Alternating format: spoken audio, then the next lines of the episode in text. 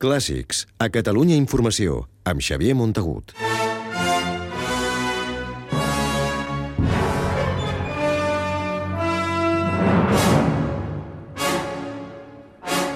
La Fura dels Baus estrena aquest vespre a Munic una nova producció operística, una versió futurista de Turandot, l'obra pòstuma de Puccini. El grup teatral català l'ha ambientada en una Europa rescatada per la Xina. I en aquest muntatge, aquesta vegada a càrrec de Carlos Padrissa, la Fura torna a col·laborar amb el veterà director d'orquestra Jubin Meta. La pura sposa sarà chi di sangue regio spieghi trenigmi La història de la despietada princesa oriental Turandot es trasllada a l'any 2046. En aquesta ficció, la Xina és la nova potència mundial i és la que 35 anys abans va rescatar Europa de la crisi financera comprant el seu deute. Els ciutadans europeus ara paguen aquest deute contret per la generació dels seus pares.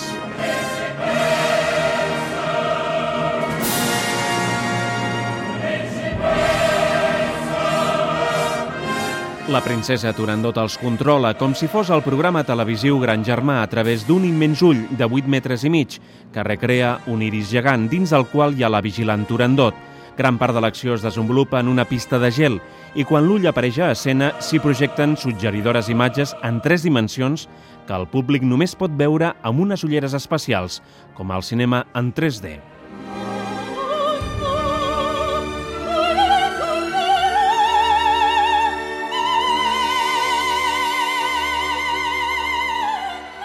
Una altra de les novetats és el final de l'obra. La fura prescindeix del tradicional, l'apoteosi que va escriure el compositor Franco Alfano perquè Puccini va morir sense poder enllestir la partitura. L'òpera s'acaba amb la mort de l'esclava Liu, que representa la puresa, la innocència i l'amor. De sobte es passa d'una societat freda i postindustrial, totalment organitzada, a una espectacular florida de bambús gegants.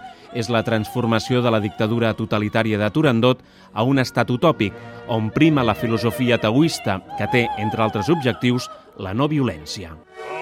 alzati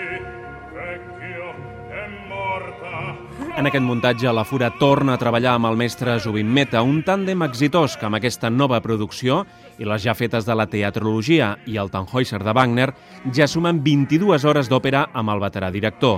Aquest Turandot es representarà a l'Òpera de Munic fins al 20 de desembre i es reposarà a l'abril i el juliol. Clàssics, amb Xavier Montagut.